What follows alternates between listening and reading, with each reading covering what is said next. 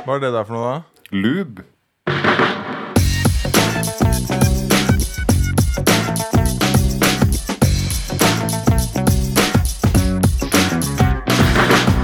Du hører på Psykologlunsj, populærvitenskapelig lunsjprat med psykologene Tommy, Jonas og Jan Ole.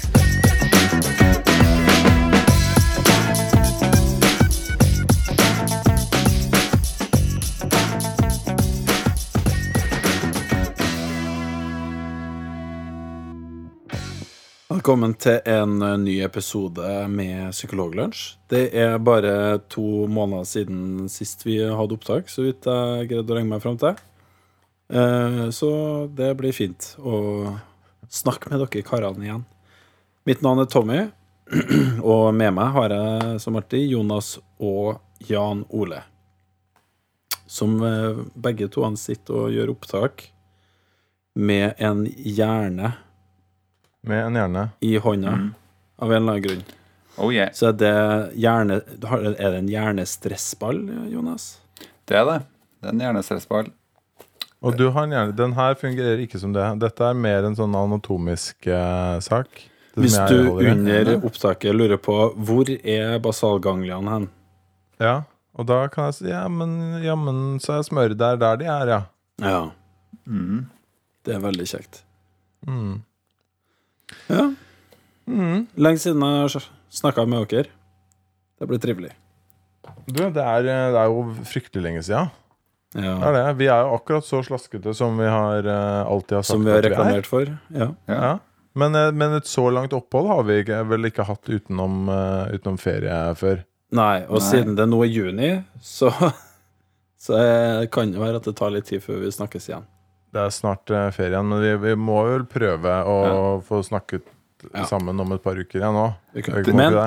Men det Men- er jo, det er jo rundepisode, vet du. Nei! Det Nei, er, nei, har vi kommet dit? Nei, er det sant? ja, episode 99. Rundt tall. To, eh, altså to, eh, to nier. Uh, og det er, det er verdt å feire, det. Nei. Det Det er ikke rart dere ofte har fest i Trøndelag når det regner på den måten der. Nei. Men ok, vi har episode nummer 99. Det, det er sånn trøndersk eh, runddag. Jeg skal komme med en liten digresjon her, Ja. eh, dere. I, I går så skulle jeg sjekke badetemperaturen, for vi har jo vært uh, plaget med uh, usedvanlig uh, mye bra vær uh, i det siste. Og da skulle jeg sjekke badetemperaturen i mitt område. Jeg gikk inn på Yr. Eh, Oscarsborg, 20 grader i vannet. Og så eh, var det jo for, delt inn for hvert fylke, og så var det massevis i Oslo og i Akershus. Og så var det i eh, Sør-Trøndelag så var det bare ett sted de målte badetemperatur. Det var Malvik. Ja, Oi. sant? Så det er Malvik er det offisielle setet for badetemperaturer i Sør-Trøndelag. Det er det. Ja, du. faktisk. Veldig Hva sa du? Jeg bada i går. Veldig fornøyd med det. Gjorde det? Du gjorde det, ja. I, eh, i, og det gjør man jo ikke så veldig ofte i sjøen i, eh, i, eh, oppe i Trøndelag. Nei, det gjør man ikke. Men Jeg skal si hva, jeg skal Ja. si hva det Det var i Hundhammerfjæra. Hundhammerfjæra, vet du. Ja. Det er, det er jo rett ved siden av meg, det. Badetemperatur 18 grader. Lufttemperatur 22 grader. Ja, ja. Gratulerer, eh, Jonas. Jo, takk. Eh, Ja. Da burde jeg jo tatt meg en tur. Eh, jeg har ikke bada i sjøen, altså i Trondheimsfjorden, siden det var sånn badechallenge på, på um, Facebook. på sosiale medier. Og da, og da jeg skulle eh, Og da sprang jeg barfotene eh, inn i bilen etter at jeg hadde bada. Eh, Blaut shorts og alt mulig sånn, så all, hele bilen ble jo søkkblaut sånn med saltvann. Ja. Ja, så, så parkerte jeg litt eh, unna huset. Skal jeg springe, eh, springe inn eh, på gårdsplassen, så snubla jeg inn. da. Så lurte, jeg på, så lurte jeg på hva, hva var det her for noe. Jo, det var rotte, gitt. Eh, snubla i ei rotte. Snubla i rotte, ja. Og den jeg snubla i Den har tydeligvis dødd eh, med ryggen opp.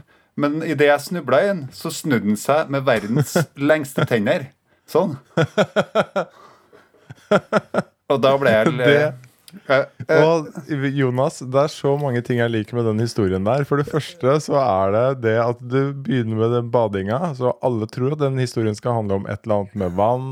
At det kommer til å skli, eller et eller annet sånn. Og at bilen ble ødelagt fordi det var så mye vann der. sånn. Men det er helt irrelevant. Egentlig så er det jo bare at du snubla i den rotta. Og det andre jeg liker med den historien, er at du løper overalt hvor du skal. Og du løper til bilen ja, men, fra badegreiene. Og så når du kommer ut hjemme, så løper du inn i huset. Ja. Gjør du alltid det? ja men, eh, men hør her, da.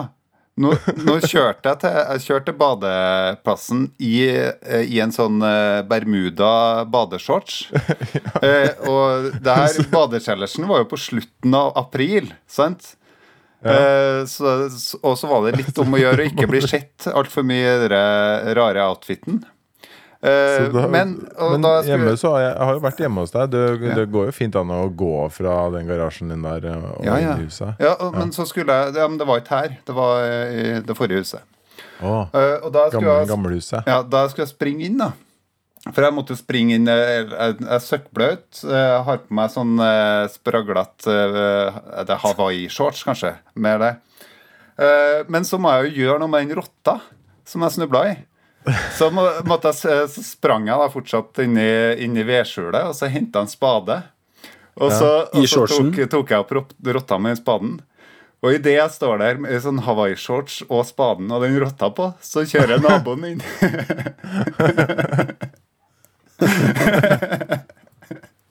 det, det, var et, det var et bra Det tror jeg var et bra syn, altså.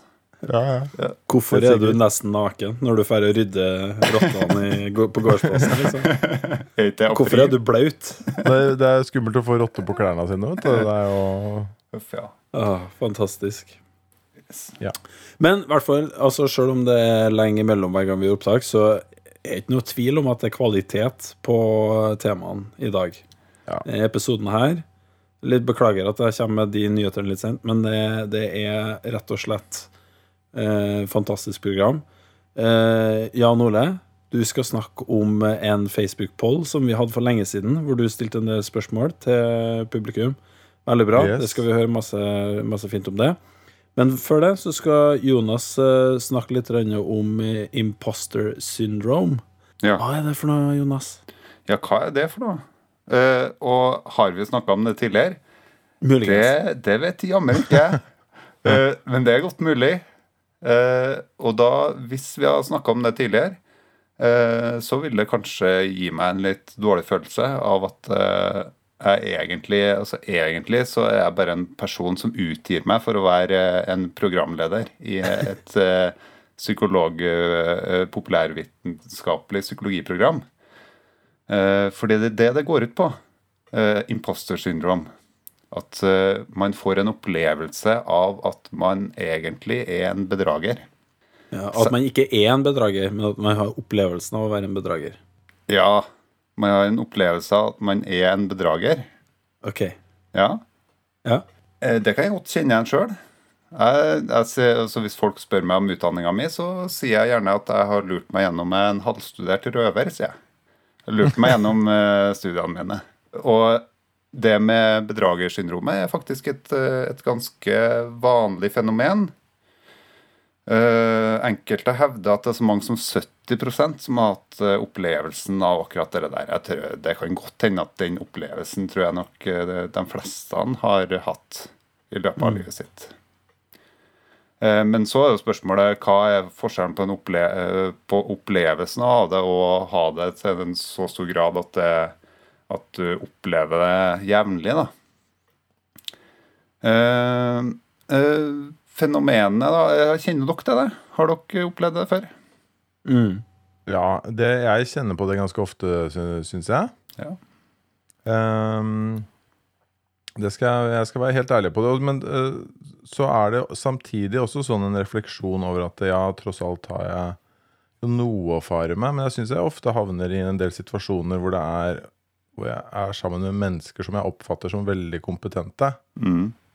Blant annet nå så, nå så sitter jeg i, et utvalg som eh, som heter eh, Altså i nasjonale forskningsetiske komiteer. Eh, I den eh, komiteen som, eh, som er for medisin og helsefag. Og der er det jo veldig mange mennesker, vil jeg si, som er utrolig oppegående og som har veldig mye å fare med. Og da er det eh, med ikke ubetydelig eh, tvil til egne ferdigheter jeg sitter der. Mm. Mm. Det vil jeg si. Og det, det skjer meg i mange sammenhenger. At jeg tenker at uh, At jeg kanskje ikke har like mye å fare med som andre. Men samtidig så hindrer det meg ikke i å faktisk uh, uttale meg i noe Mm. særlig grad. Sant? Mm. Men det er en sånn refleksjon over at antakeligvis så er du litt ute på tynn is. Mm. Du, Tommy? Ja, jeg tenker egentlig mye av det samme som Jan Ole. Akkurat det. Det er en kombinasjon kanskje av å ha den følelsen, men likevel eh, ikke være Altså, ikke være helt i stand til å la være å uttale seg likevel, da. Sant? Men eh, jeg lurer også litt sånn på om eh, hvor nært det her eh, beveger seg opp mot et annet fenomen vi har snakka mye om, ja. Dunning-Kruger-effekten. ja. Eh, som vi har snakka om noen gang, om det her tendensen vår til at personer som er eksperter på et område, undervurderer sine evner, og, og omvendt personer som er nybegynnere innenfor et felt eller ikke kan så mye, Mm. har vanskeligheter med å se kompleksiteten, sånn at de kanskje overvurderer sine evner òg, da. For det er ikke tilfeldig hvilke områder jeg i så fall har denne opplevelsen når jeg har den opplevelsen, hvis du skjønner. Og det er vel litt det du beskriver òg, Jan Olav, at det, det er jo Og du, Jonas, er gjerne de, de tingene som jeg vet dere er dyktige på. Høres det ut som altså, områder hvor dere antakeligvis har litt peiling òg, kanskje. For, for den uh, Dønning-Kruger-effekten, det, det har jo noe som kalles uh, superioritets-illusjon. Altså at uh, du har en illusjon av at du er smartere enn resten. Mm. det, som, som er, direkte kobla til Dønning-Kruger-effekten. At hvis du Vil jeg tro, da. At, uh, at uh, med en gang du begynner å bevege deg inn på et felt, og du kjenner på den mestringsfølelsen av at du har lært deg en, uh, en liten brøkdel av det, uh, så kjenner du at du, du føler deg veldig kompetent. Helt sånn i starten. Til du plutselig ser vidden av feltet. Og da, da begynner det å slå innover deg Oi, her er det masse jeg ikke forstår. Og da kommer jo redselen for å bli avslørt, da. Du ser at det er noen kunnskapshull hos deg. Altså Du har hørt om flere ting innenfor feltet ditt som, eh, som eh, du vet du kan ganske lite om. Eh, og så er du redd for å bli avslørt, og det er det som er liksom kjernen i, i imposter syndrom òg, eller bedragersyndromet. da eller bedrageropplevelsen, sånn som også enkelte vil ønske at det skal kalles. da.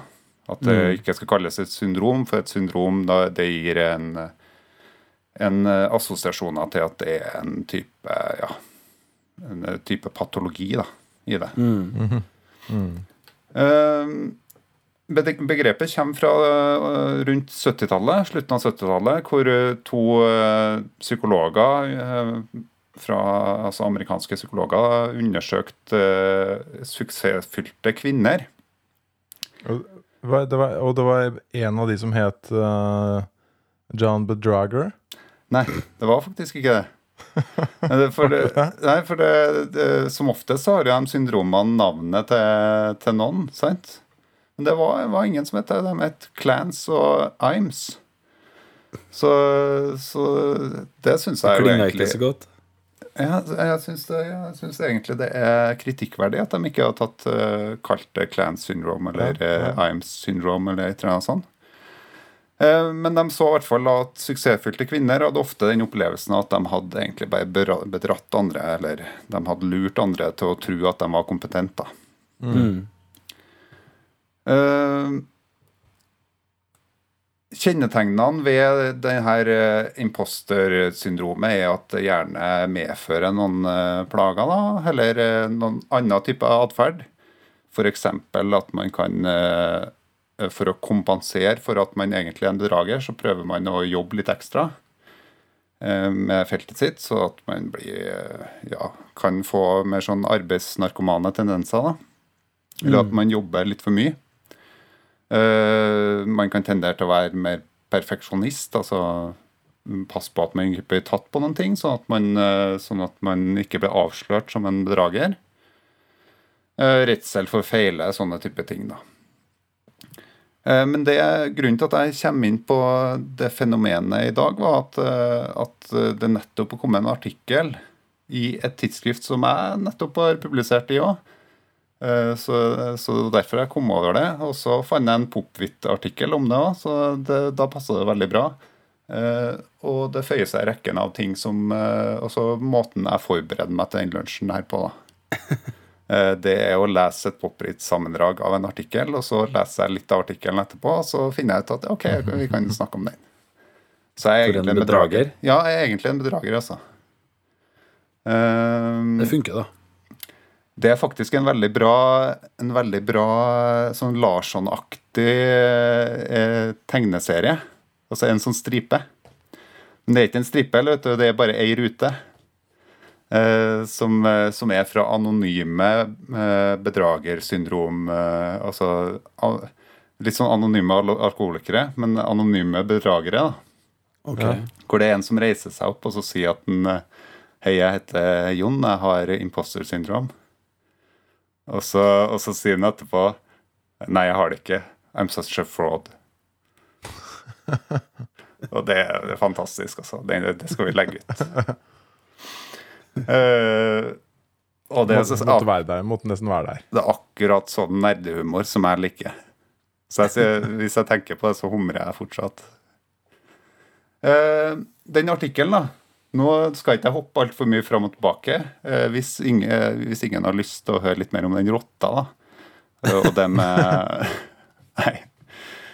I Personality and Individual Differences eh, så var det en gruppe forskere som undersøkte kjønnsforskjeller egentlig i, i opplevelsen av imposter syndrom. Eh, de eh, undersøkte rundt 250 personer i to studier. Og det de ville undersøke, var om, var om dem som hadde altså, som scora høyt på imposter syndrom, altså sånn, egentlig et sånn selvutfyllingsskjema, da, eh, med type spørsmål som Opplever du noen gang at du at du Eller er det noen gang at du er redd for at andre skal avsløre at du mangler kunnskap om det, det temaet som blir snakka om, f.eks.? Og så er det sånn at du rater det fra én til fem. Flere sånne type spørsmål som gikk på bedragersyndromet. Mm. Eh, så sjekka så delte de opp de eh, gruppene i to. Altså de som eh, var, hadde den opplevelsen av å være bedragere, og de som ikke hadde. Og så ville de sjekke hvordan reagerer de på ulike typer testsituasjoner. Så da, da, var det en sånn type laboratoriesetting, da. Egentlig mer sånn eksamenssetting. Eh, hvor de, ble, hvor de ble satt for å gjøre en test. Og midtveis i testen, etter en fem spørsmål, så fikk de tilbakemelding på om de hadde eh, gjort riktig eller ikke. Det som skjedde, da, var at, et utvalg av den gruppa fikk tilbakemelding om at de, de hadde svart feil på alle fem spørsmålene. Eh, og så ville man sjekke hvordan reagerer da den gruppa på det at de, eh, eh, de får den type tilbakemelding. Og Det de fant ut, var at menn, altså i større grad reagerte på det med å gi opp. heller underprestere og, og, la det gå mye lengre tid med de resterende oppgavene. Hvis de Hvis de, eh, fikk, hvis de både scora høyt på imposter syndrom og fikk tilbakemelding om at de hadde svart feil på de fem første oppgavene. Mens kvinner eh, tok seg i nakkeskinnet på et vis og fullførte i, i større grad etterpå. Så, de, eh, så de, de tenderte til å prestere på samme måte som de hadde gjort i de fem spørsmålene før. Og så i den eh, oppgaven, i den artikkelen, så, så hevder de at det her har bakgrunn i mer sånn uh, eh, sosialpsykologiske faktorer, eller, eller måten, vi, måten vi oppfatter kjønnsrollemønster. Eh, sånn at de hevder at da, da menn eh, har noen type for, har en forståelse av verden som at, eh, som at eh, er du mann, så er du er, er det såpass mye press på deg fra før til å kunne eh, framstå kompetent. Så derfor, når du får tilbakemeldinger på at du ikke er kompetent, så må du underprestere, sånn at du har en løsning på hvorfor du ikke var kompetent i utgangspunktet. Det er liksom deres eh, svar på akkurat det der. Ok, ja, ja. Mens eh, men, Ja, det er friskt.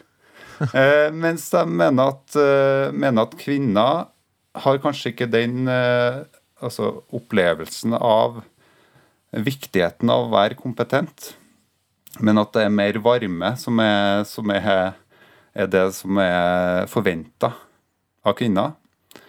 Eh, Så de jobber i samme tempo etterpå. Eh, Jeg, jeg syns det var en, eh, en, en interessant studie, men samtidig så er det jo, det er jo litt interessant hvordan kommer de fram til den, den type løsning, eller det, det type forslag på hvorfor det er sånn. Mm. Eh, og så noe annet. Jeg tenkte, eh, det, og De gjorde to typer studier hvor, hvor resultatet var mye det samme. da. Mm. Så jeg mente at det var kulturelle forskjeller, eller kult, den kulturelle forståelsen av mann og kvinne, da, som, er, som gjorde at de så observerte de her typer resultater. Eh, men eh, det interessante med er jo hvordan, hva skal det brukes til, de resultatene her. Mm. Altså at eh, det føyer seg inn i psykologisk forskning som, som hvor anvendbarheten er litt sånn uklar. Eh, har dere noen tanker om, eh, om hvor, hvor kunne man brukt den type kunnskap? Altså, der er altså tanken at når menn som eh, sier de kjenner på en, eh, et sånt imposter eh, Har en sånn følelse Mm. av å være utilstrekkelig, eller at de skjuler sine egentlige feil Mm. Når du har menn som scorer høyt på det, så gir de lettere etter i motstand. Mm.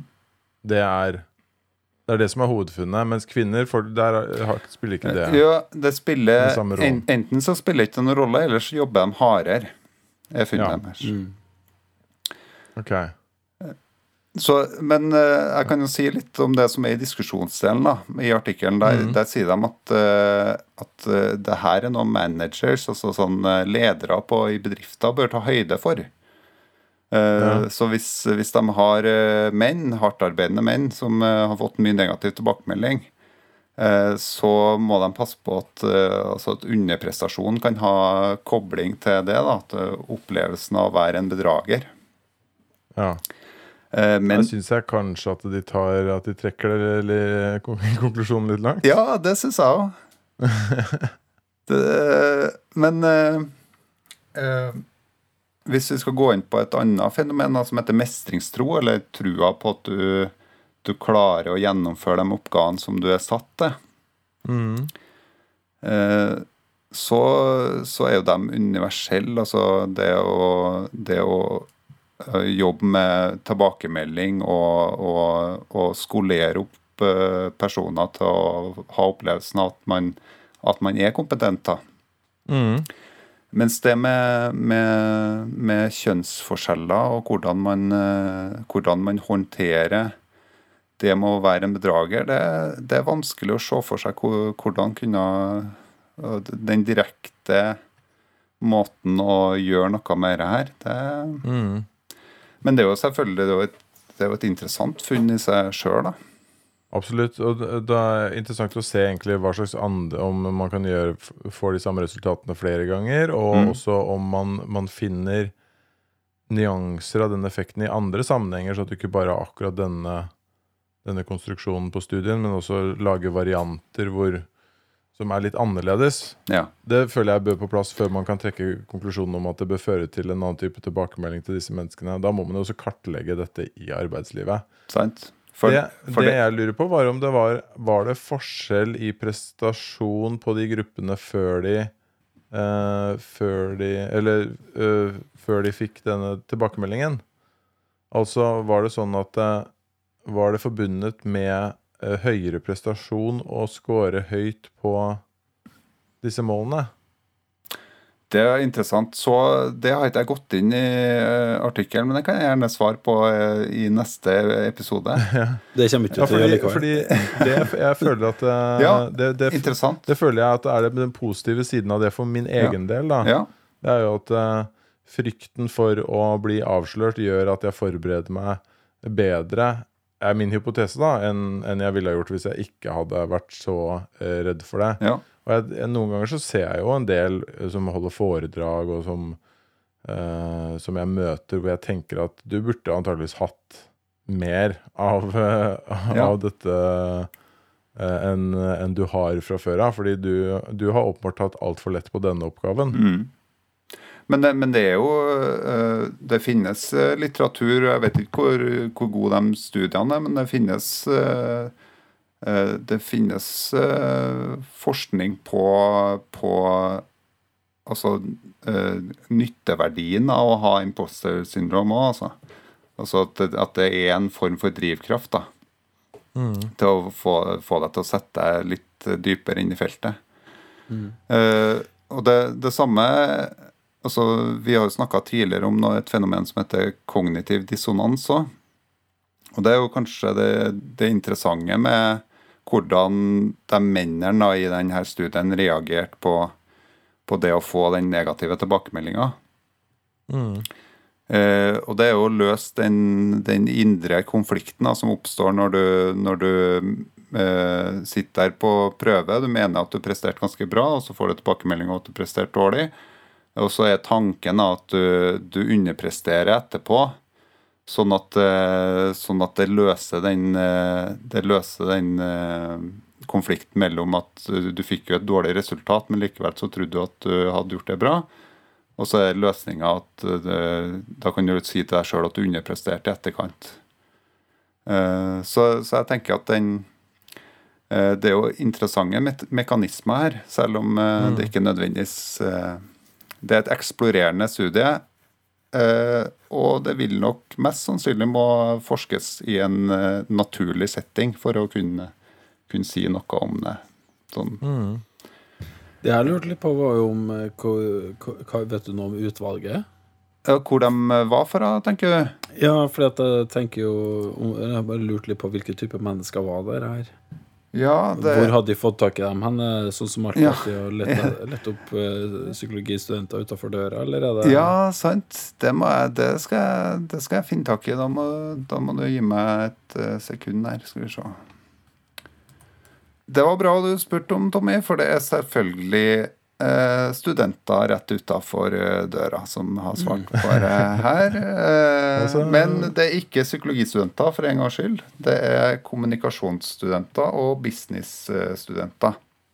Ja, Det hadde jo vært litt interessant å se om det var om det kunne hatt noe med saken å gjøre. da Om det hadde vært litt eh, For det var jo veldig snedig at det skulle dele seg så Så mye på liksom den kjønnsdikotomien. da Så det var Ja. Altså Selv om de har funnet kjønns, eh, kjønnsforskjeller, da, så betyr ikke det at det er så store forskjeller mellom, eh, mellom kvinner og menn. Så, så egentlig kanskje det interessante eh, funnet sånn sett er jo at de som reagerer Altså Hvis du tar alle dem som har imposter-syndom under én kam, da, så, så reagerer man til en viss grad forskjellig hvis man er kvinne eller menn. Men så, men så reagerer de fleste med, med eh, et vesentlig ubehag, som er enten en sånn drivkraft for å, for å løse det ubehaget ved å ikke jobbe videre, eller eh, hos den andre gruppa prøve å jobbe litt hardere, da. Så egentlig så hvis man går inn i, inn i hvordan vi tenker at man reagerer på angst og uro så er det jo det ene måten er å gå til motangrep, jobbe hardere. Det er den andre måten å unngå det, på et vis. Altså la det eh, unnvike den, det ubehaget. Og da jobber man litt uh, over over litt lengre tid. Jeg, jeg lurer litt på Det som hadde vært interessant i den studien der, er å se på uh, hva forventningene deres var om prestasjoner også, i utgangspunktet. Ja. Fordi eh, jeg kjenner på det at når jeg er langt unna min forventning, eh, enten altså i en quiz eller en konkurranse eller gud veit hva det er, så har jeg tendens til å gi opp. Mm. Mens hvis jeg er tettere på forventningen min, så er nok det en drivkraft for å, for å gjøre det Jobbe hardere. Mm. Så, så hvis man har forskjellig forventning utgangspunktet Hvis, hvis det er antatt um, Kanskje kunne det være at kvinnen hadde gått inn i denne, eh, denne situasjonen med en ikke så høy forventning. Og så ligger de tettere opp til den, og det er mer naturlig å jobbe for å nå den. Mens mennene har, som vi vet fra andre studier, at de ofte har ureal, ekstra urealistisk høye forventninger Mm. til egne prestasjoner. Det finner man i flere forskjellige sammenhenger. Og det er det som er utslagsgivende. Mer enn eh, at de har en annen eh, strategi for å jobbe Mm. Uh, når man får kritikk. Mm. Så er det mer en, en dårlig kalibrert forventning. Sant? Kunne man sett for seg. Ja. Og så kan det jo en eh, jeg- Nå kjenner ikke jeg forskninga godt, men, eh, men også på andre områder hvor man blir utsatt for stress. Det er en stressituasjon hvor du får en negativ tilbakemelding på det du har prestert fra før. Er det kanskje forskjell på menn og kvinner hvordan man reagerer på det å feile på kognitive oppgaver, kontra mer sånn fysiske oppgaver? da? Altså eh, reagerer kvinner på kognitive oppgaver med å gå til motangrep, da, i hermetegn? Mens mm. uh, hvis det har vært en oppgave som går på mer fysisk eh, arbeid, da, Uh, hadde man sett noe annerledes der? Det, det er jo interessant, og i så fall eh, kan det jo være relevant for uh, mer sånn skoleforskning òg, da. Hvordan, mm. hvordan gutter og jenter reagerer ulikt på, på det å få negativ feedback på, på f.eks. matteoppgaver og sånne type ting. Så, så her er jo et vell av, eh, av eh, områder. Masse. Og jeg hadde jo forslaget var jo at eh, resultatene kan jo brukes til å lage altså Når man skal lage artificial intelligence og få, få folk til å altså sånne roboter til å fremstå mest som oss, så trenger vi jo sånn type forskning for at det skal se autentisk ut hvordan en mann ville ha reagert på, på å få negativ, oppgave, nei, negativ tilbakemelding på fem testoppgaver i en sånn type testsituasjon. Så nå har vi, Ja. nå har vi programmert det. Hvis vi Har det den situasjonen, så har vi det. Ja. Fantastisk eh, bra. Det, det, det er sånt vi trenger å vite. Veldig fint. Vi må videre. Vi skal hoppe over til Jan Ole, som skal ta for seg en Facebook-poll som vi skulle diskutere for uh, forrige episode, tror jeg, men som vi glemte av. En evighet ja, i hvert fall. Ja, Jeg tror, vi la, tror du la den ut i januar. Jeg vet ikke. Uh, ja, det er, det er antageligvis ikke så veldig um, usannsynlig. Altså, Bakgrunnen for eh, denne undersøkelsen var at jeg skulle holde uh, foredrag for landets dommere. Eh, gjennom fem forskjellige seminarer eh, for dem, da, eller fem like seminarer for dem, så skulle jeg snakke til sammen for egentlig alle dommerne i, i eh, Norge. Og så ønsket jeg å sende ut en undersøkelse til dem først, hvor jeg belyser en del av de psykologiske temaene jeg kom til å komme inn på i det eh, dommerforedraget. Psykologiske eh, fenomen, tankefeller, kognitive bias, som jeg tenkte var relevant for jobben som dommer. Det er jo gjort en del forskning også på, på dommere, og hvordan de reagerer på, i, på behandlingen, eller hvordan de behandler informasjon eh, som er vesentlig for dem. Og så ville jeg bare teste uh, en undersøkelse. Jeg lagde en undersøkelse i, uh, i SurveyMonkey. Og så skulle jeg bare teste den for å se om den fungerte. Og så regnet jeg med å kanskje få 10-20 stykker som eh, svarte på den undersøkelsen. Sånn at jeg kunne sjekke at eh, alt så greit ut. Men så var det 600 mennesker som svarte. Uh, og da ble det jo plutselig litt morsomt å se på, se på de tallene. Ikke bare få tilbakemelding på at dette, dette fungerte. Mm. Ja, ja. Er det her søkt om til etisk komité?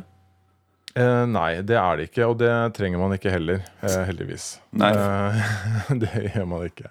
Det er en helt anonym spørreundersøkelse, så der samles det ingen sensitive persondata. Heller ingen persondata, eh, for så vidt. Mm. Men det er veldig bra at du er oppmerksom på det, Tommy. Mm, Det setter jeg veldig stor pris Men, på. men enn det det spyttprøvene og, og blodprøvene er sendt Ja, altså de er jo Foreløpig så er de anonyme, men når vi først får tolket de, så er jo de ikke anonyme. Og da, da finner vi ut hvem eh, mødrene og fedrene er, til alle som har svart. eh, og også en del uh, sykdommer får vi jo finne ut av. Men det, så det, det burde vi nok kanskje ha søkt om, men noen ganger så rekker man ikke alt man har lyst til å gjøre, og da, da er det greit.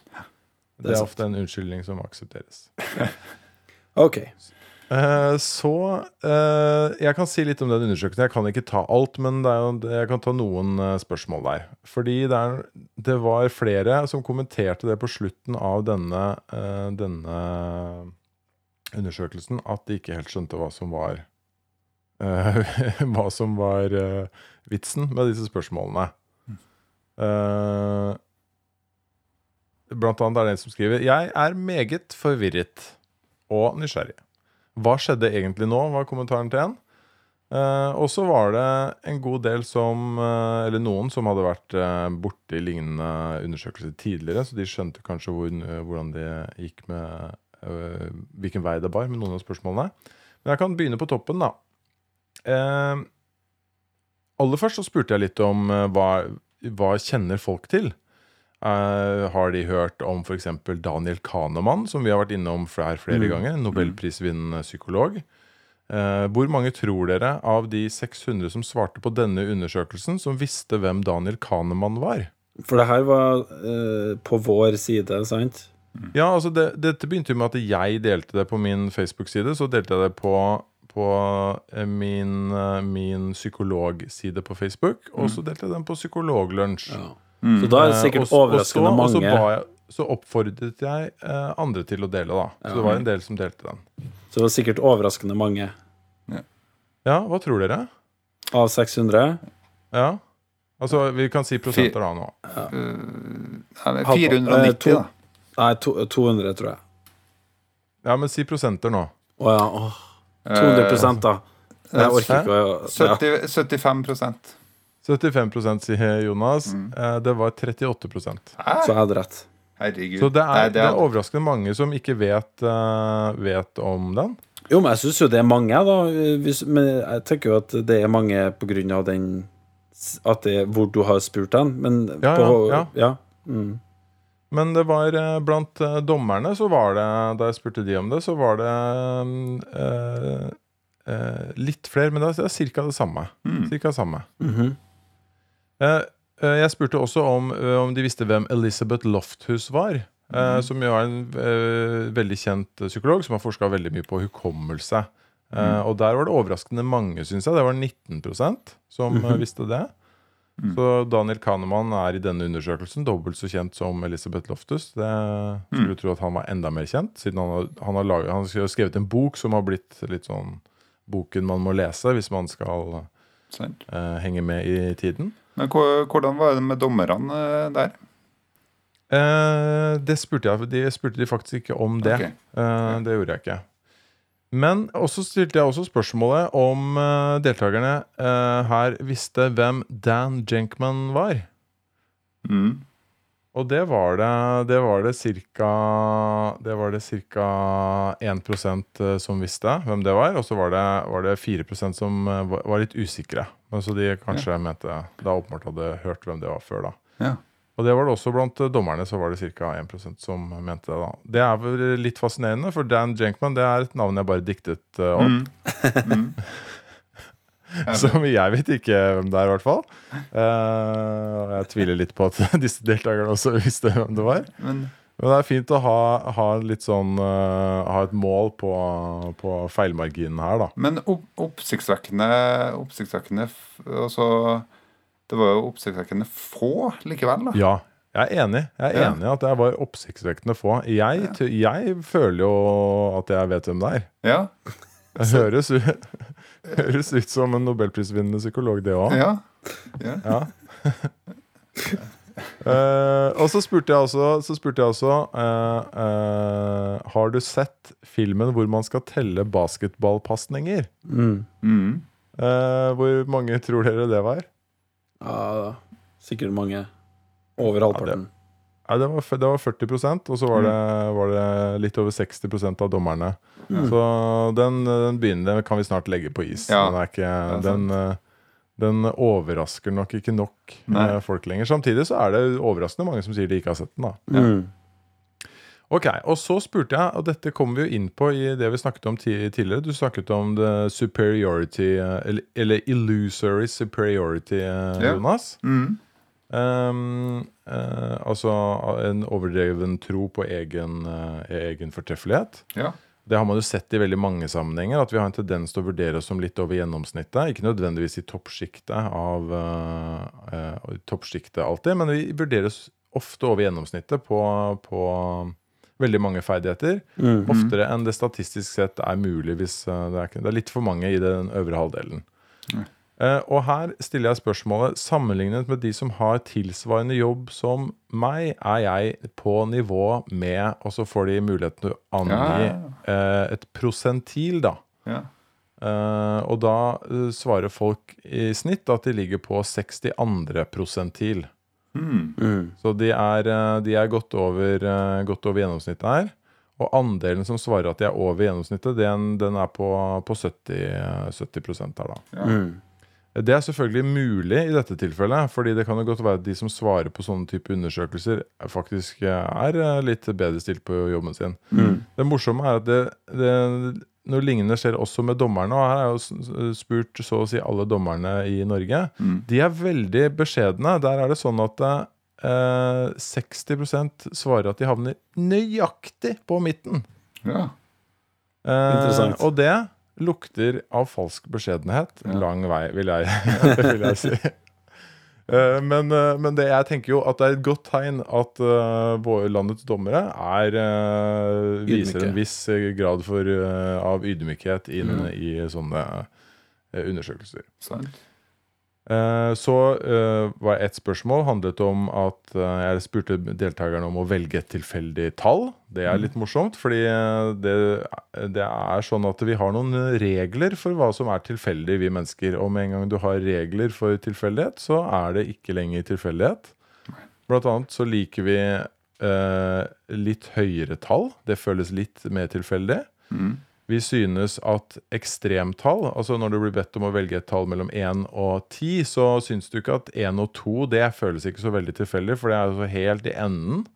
Og 9 og 10 er også ikke spesielt tilfeldig, for det er også i den andre enden. Og så uh, syns jeg også er veldig morsomt at vi, at vi synes at oddetall det er mye mer tilfeldig enn partall. Mm. Så, da blir det sju. eh, så, så det beste, det beste eh, tilfeldige tallet, det er sju, og det er ca. 20 I, denne undersøkelsen så var det 25% som valgte tallet sju. Uh, uh, helt tilfeldig valgte de det tallet. Mm. Det kan man le litt av, men det er Det, det sier noe om en, uh, en tendens hos oss, da. Som faktisk kan gi seg utslag i andre sammenhenger. Det, i, eh, under valget i Iran i 2009 så eh, mistenkte man at eh, eh, tallene, stemmetallene var manipulert. Fordi når man så på stemmetallene de forskjellige kandidatene hadde fått i de 50 000 forskjellige valgkretsene, Mm. så endte det stemmetallet på 7 i 17% av tilfellene. Og det er en statistisk umulighet, men eh, en regel nesten når det er mennesker som eh, går inn og tviker litt grann på de stemmetallene. Så, så dette er uh, eh, Dette er faktisk noe man kan uh, bruke til nå. Så uh, kom Altså bakgrunnen for at jeg spurte om disse tallene, var jo at med bakgrunn i hvilke tall du valgte, så ble du fordelt i to forskjellige grupper etterpå. Eh, så da fikk deltakerne litt forskjellige spørsmål. Eh, og jeg skal ta for meg to av de uh, spørsmålene eh, deltakerne fikk der. Det første spørsmålet det handlet om Trude, som, uh, som bygger en bod på tomten sin. Hun har nettopp kjøpt huset sitt, og så står det i prospektet at tomten hennes er målt til å være 402 kvadratmeter, og at hun har lyst til å sette opp en bod, men for at boden skal, hun skal få lov til å sette opp boden, så må den være minst 400 kvadratmeter. Og målingen som er gjengitt i prospektet, den er litt unøyaktig, så, så hun vet at det er risikosport å sette opp den boden. Eh, men naboene de har satt opp en tilsvarende bod.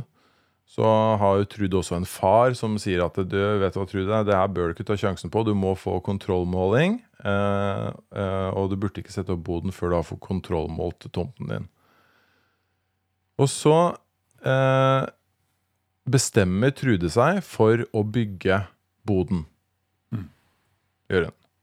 Dette får begge gruppene høre. Men eh, i, den, eh, i den ene gruppen så får de høre også at eh, det viste seg at eh, tomten den var mindre. Så Trude hun må rive den boden. Mm. Eh, I den andre gruppen så får de høre at eh, tomten den var, eh, viste seg å være større, så du kunne bygd enda større bod. Men det begge gruppene skal vurdere, er om beslutningen til Trude var god på det med bakgrunn i den informasjonen hun hadde på beslutningstidspunktet. der. Så det blir aktivt bedt om å se bort ifra informasjonen de fikk etterpå. Ja. Jeg lagde det spørsmålet fordi dette er jo typisk noe som dommere ofte må gjøre i en del tilfeller. Du skal vurdere egentlig kvaliteten på vurderingen som gjøres i beslutningsøyeblikket, og ikke på utfallet det fikk. Det kan f.eks. være i, i pasientskadeerstatningssaker, så er det en sånn typisk vurdering som må gjøres. Eller i, eh, i, ved trafikkforseelser så er det også en sånn vurdering som skal gjøres. Da, da skal ikke utfallet av den dårlige handlingen i trafikken nødvendigvis være utslagsgivende for eh, straffeutmålingen. Da er det hva var det du faktisk gjorde for noe? Og så skal vi se bort fra eh, utfallet. Um, og det som jeg syns er veldig morsomt med det, er jo at det, vi klarer ikke å ignorere informasjon vi er i besittelse av. Så i den gruppen som fikk høre at eh, boden måtte rives, så, eh, så er det bare 30% som mener at eh, Nei, så er det bare I den gruppen som mener hvor tomten viser seg å være større, så hun kan beholde eh, boden sin og kunne bygd en større bod, så er det bare 30% som mener at Trude eh, gjorde en dårlig vurdering. Mens eh, i den andre gruppen så er det 51 som som mener det. Er, det er, en, det er nesten, en, eh, nesten en dobling, eller en, en stor økning, da. Det er, eh, det er en økning på 80 eh, i forhold til den andre. På andelen som mener at det var en dårlig beslutning. Bare pga. denne informasjonen. Det syns jeg, jeg er veldig eh, fascinerende. Og jeg, jeg skjønner godt eh, at det skjer også. Så dette er jo det som kalles outcome bias, eller utfallsskjevhet. Vi lar utfallet påvirke vurderingen av, eh, av, eh, av selve eh, beslutningen. Mm. Hvilken respons fikk du hos dommerne? Altså på, Det- da du, da du snakka om det etterpå? Nei, altså eh, Dette er jo eh, Det skal vi være veldig glad for også. Dette er jo noe som dommerne i landet vårt eh, Flere av de tingene her kjenner de til. Og om de ikke kjenner til forskningen på det, det er flere som ikke kjenner til forskningen, så er jo det noe de mange av de har reflektert over selv også. Mistenkt at det er en utfordring. Og det skal jeg si at det er jo et godt tegn at de inviterer eh, til et sånt foredrag også. At de ønsker å vite mer om det. Og vi skal nok takke en god del av æren for det. Det er, er det nok en som heter Svein Magnussen som skal ha. Eh, norsk hukommelsesforsker som egentlig er vår, vår Elisabeth Lofthus. eh, som har i lang tid eh, holdt foredrag for og utdannet norske dommere om hva vi egentlig vet om hukommelse. Hvordan hukommelsen vår fungerer, og om vi kan stole på vitne- vitneutsagn og sånn. Så han har gjort mye for det. Det er til og med var noen, en dommer som fortalte meg at det er et begrep blant dommerne som er Magnussen-depresjonen. Så jeg Etter at de har hørt på han, så stiller de spørsmålstegn ved, ved alt etterpå. Du føler deg som en bedrager. Ja, ikke sant. Nei da. Så det de er, de er ganske gode til å reflektere rundt det. det jeg mistenker at norske dommere har kommet ganske langt, eh, langt der. Men det er jo sånn som du sier, altså, det er jo veldig mm, Det er jo ikke så forferdelig lett, for de kan jo ikke komme seg forbi det at de vet utfallet av de her eh, Nei. Hvordan det gikk. Det, og de må jo bare lære så mye som mulig om eh, det normalpsykologiske bak det. Mm. Og det som, det som er så frustrerende med sånn som den effekten der, da, det er jo at eh, ja, du vet at det påvirker deg, men du har jo ingen mulighet for å vite hvor mye den påvirker deg i akkurat den konkrete saken du har foran deg nå. Nei. Så du kan, du, kan, du kan begynne å justere, men du aner jo ikke om du justerer for lite, akkurat passe eller altfor mye. Mm. Eh, så det, det, det Og det har jo undersøkelser også vist, at selv når, når man forteller folk om denne effekten før de skal gjøre sånne oppgaver, så justerer de som regel altfor lite. For de har ikke noe utgangspunkt for å vite hva de ville ha svart om de ikke hadde hatt den informasjonen på forhånd. Mm. Så det er, det er kjempevanskelig. Og, og som Daniel Kanemann også konkluderer med, så er det mye bedre å lage systemer for at man, eh, at man skal unngå å, å havne i sånne situasjoner hvor man blir påvirket. eh, påvirket. For eksempel kunne man jo sette for seg at man i noen tilfeller ikke fikk vite hva utfallet ble. Eh, Mm. At man lagde noen systemer for at eh, i pasientskadeerstatninger så ble utfallet eh, eh, holdt skjult, f.eks. Jeg vet ikke, det er bare noe jeg tenker på akkurat nå. Men det, det ville jo løst akkurat det problemet. Da ville man ikke blitt influert av det. Mm. Så, så det var for så vidt budskapet mitt også. At man bør nok tenke, være litt kreativ i en del sånne prosesser og, og tenke hvordan, hvordan kan vi demme opp for det. Og vi må i, alle fall ikke la oss lure til å tro at vi ikke påvirkes av det. Nei. Uh, ja. Som jo denne undersøkelsen også viser til en viss grad. Mm. Jeg skal ta, jeg skal ta det siste eksempelet fra, fra den undersøkelsen. Og det var Der så vi nærmere på den uh, sagnomsuste forankringseffekten. Mm.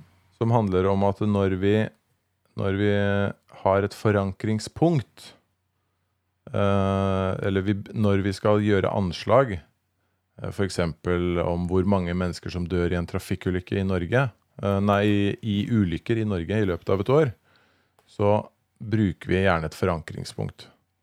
Kanskje vet du at det dør ca. 200 mennesker i trafikken eh, i Norge hvert år. og Da kan du bruke det som et forankringspunkt når du skal anslå hvor mange mennesker som dør totalt eh, i ulykker i Norge. Det gjorde jeg da jeg skulle svare på det spørsmålet. Da tenkte jeg ja, ca. 200 som dør i trafikkulykker. Jeg antar at det utgjør en ganske stor andel av alle som dør i ulykker i Norge. Så ja, kanskje det utgjør ca. 20 Mm. Og da blir konklusjonen min blir at det er ca. 1000 mennesker som dør i ulykker i Norge hvert år. Det er, det er det forankring er. Forankring og justering. egentlig. Bruker et forankringspunkt, så justerer du ut fra det. Det jeg gjorde, var å manipulere dette forankringspunktet uh, i, uh, i et spørsmål. Jeg stilte spørsmålet hvor mange tror du dør i ulykker i Norge hvert år? Uh, men for halvparten så stilte jeg først spørsmålet Eller sa jeg først at i Norge så dør det ca. 800 personer hvert år i fallulykker. Mm. Hvor mange tror du dør i ulykker i Norge hvert år? Mm. Mens i den, i den andre gruppen så fikk de først informasjon om at det er ca. 50 mennesker som dør i drukningsulykker hvert år i Norge. To veldig forskjellige forankringspunkt. 50 mot 800. Og svaret ble I dommergruppen så svarte den gruppen som fikk høre om 800 som dør i fallulykker, de svarte i snitt 2900 mennesker. Mm. Mens i gruppen som hørte 50 som dør i drukningsulykker, svarte 300. Nei. Det var stor forskjell. Kjempestor forskjell. Nesten tigangeren. Mm. Yes. På grunn av dette forankringspunktet. Ja. Ja. Så eh, hovedpoenget er at eh, vi lar oss påvirke av en del ting vi ikke har helt eh, oversikt over. Og det jeg syns var interessant å se, var jo at selv blant de som svarte på denne undersøkelsen som jeg sendte ut, så fant man de effektene. Og der må man jo regne med at det er ganske mange som har hørt en, om de, disse tingene fra før av. Mm. Uh, og det var det jo flere som skrev også, men likevel så, så dukker disse uh, forskjellene opp. Mm. Og vi har snakket mye om, eh, om resultater som ikke alltid holder vann i, i psykologien, men, men her er vi inne på noen av de tingene som virkelig har vist seg å være Stabile. veldig solide funn, Mm. og som utvilsomt sier ganske mye om hvordan vi fungerer. Mm. Det er jo ganske Det er jo som du sier, altså, Når så mange av de du spurte, hadde hørt om uh, Daniel Kahneman eh, Hvor han i boka i, Når han Han snakker jo også mye om forankring. Så Mm. Kanskje, kanskje de justerer i tillegg, da. at Forskjellen ville vært enda større, nesten. Ja, det, det, det har jeg ikke sett på ennå, men det hadde jo vært litt morsomt å se på hvordan spiller kjennskapen til Daniel Kahneman inn mm. i, i, eh, i dette. Det har jeg absolutt mulighet til å se på, så det, Det det, jeg- er for så vidt et godt poeng. Hjelper det å, å vite hvem Daniel Kahneman er? Mm. Og blant dommerne så har jeg også spurt om de har lest 'Tenke fort og langsomt'. Og det er cirka Det er uh, den boka til Daniel Kahneman. Mm. Og blant dommerne så er det Er det uh, 15% som har lest den, eh, den boka. Mm. Du, du, kan jo, altså, du kan jo dele opp etter om de har uh, lest Daniel Kahneman. Og så kan du i tillegg kontrollere for om de vet om eh, Elisabeth eh, Loftus. Altså kontrollere for falske minner, sant? Det kan jo hende at noen har en, eh, en falsk eh, erindring av at de har lest eh, Kahneman. Det, det er jo Ja, ja, et fantastisk ja. studie, studium, det her. Altså. Ja, det er, eh, det, det, er, det er mange muligheter her. Jeg kan også eh, dele inn på, på om de er eh, tingrettsdommere, lagdommere eller høyesterettsdommere. da. Ja, ja. Eh, eh, kvinnemann, eh, selvfølgelig. Også aldersgruppe her. Mm.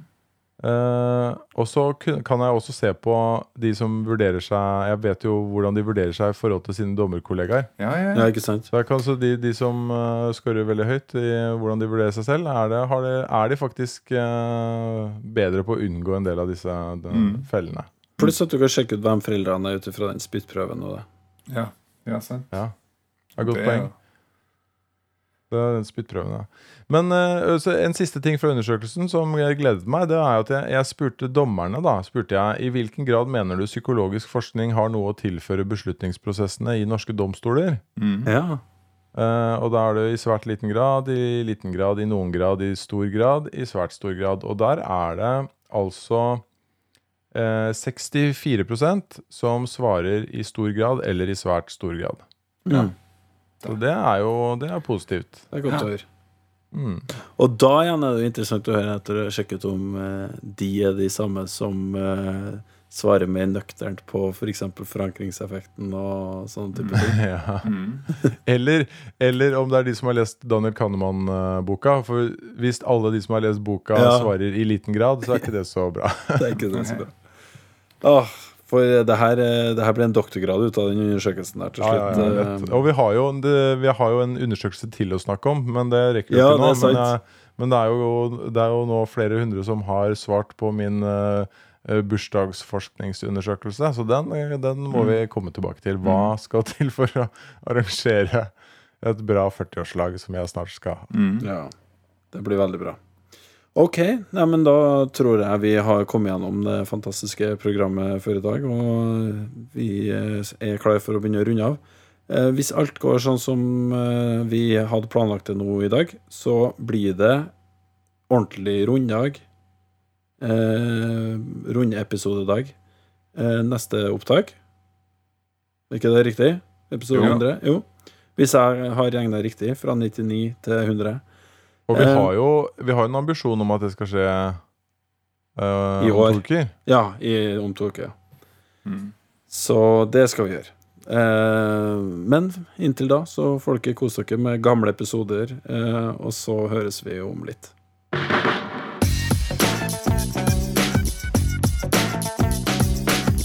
Du har nå lytta til Psykologlunsj. Har du noen spørsmål, kan du søke opp Psykologlunsj på Twitter, eller du kan sende en e-post til psykologlunsj alfakrøll.gmail.com.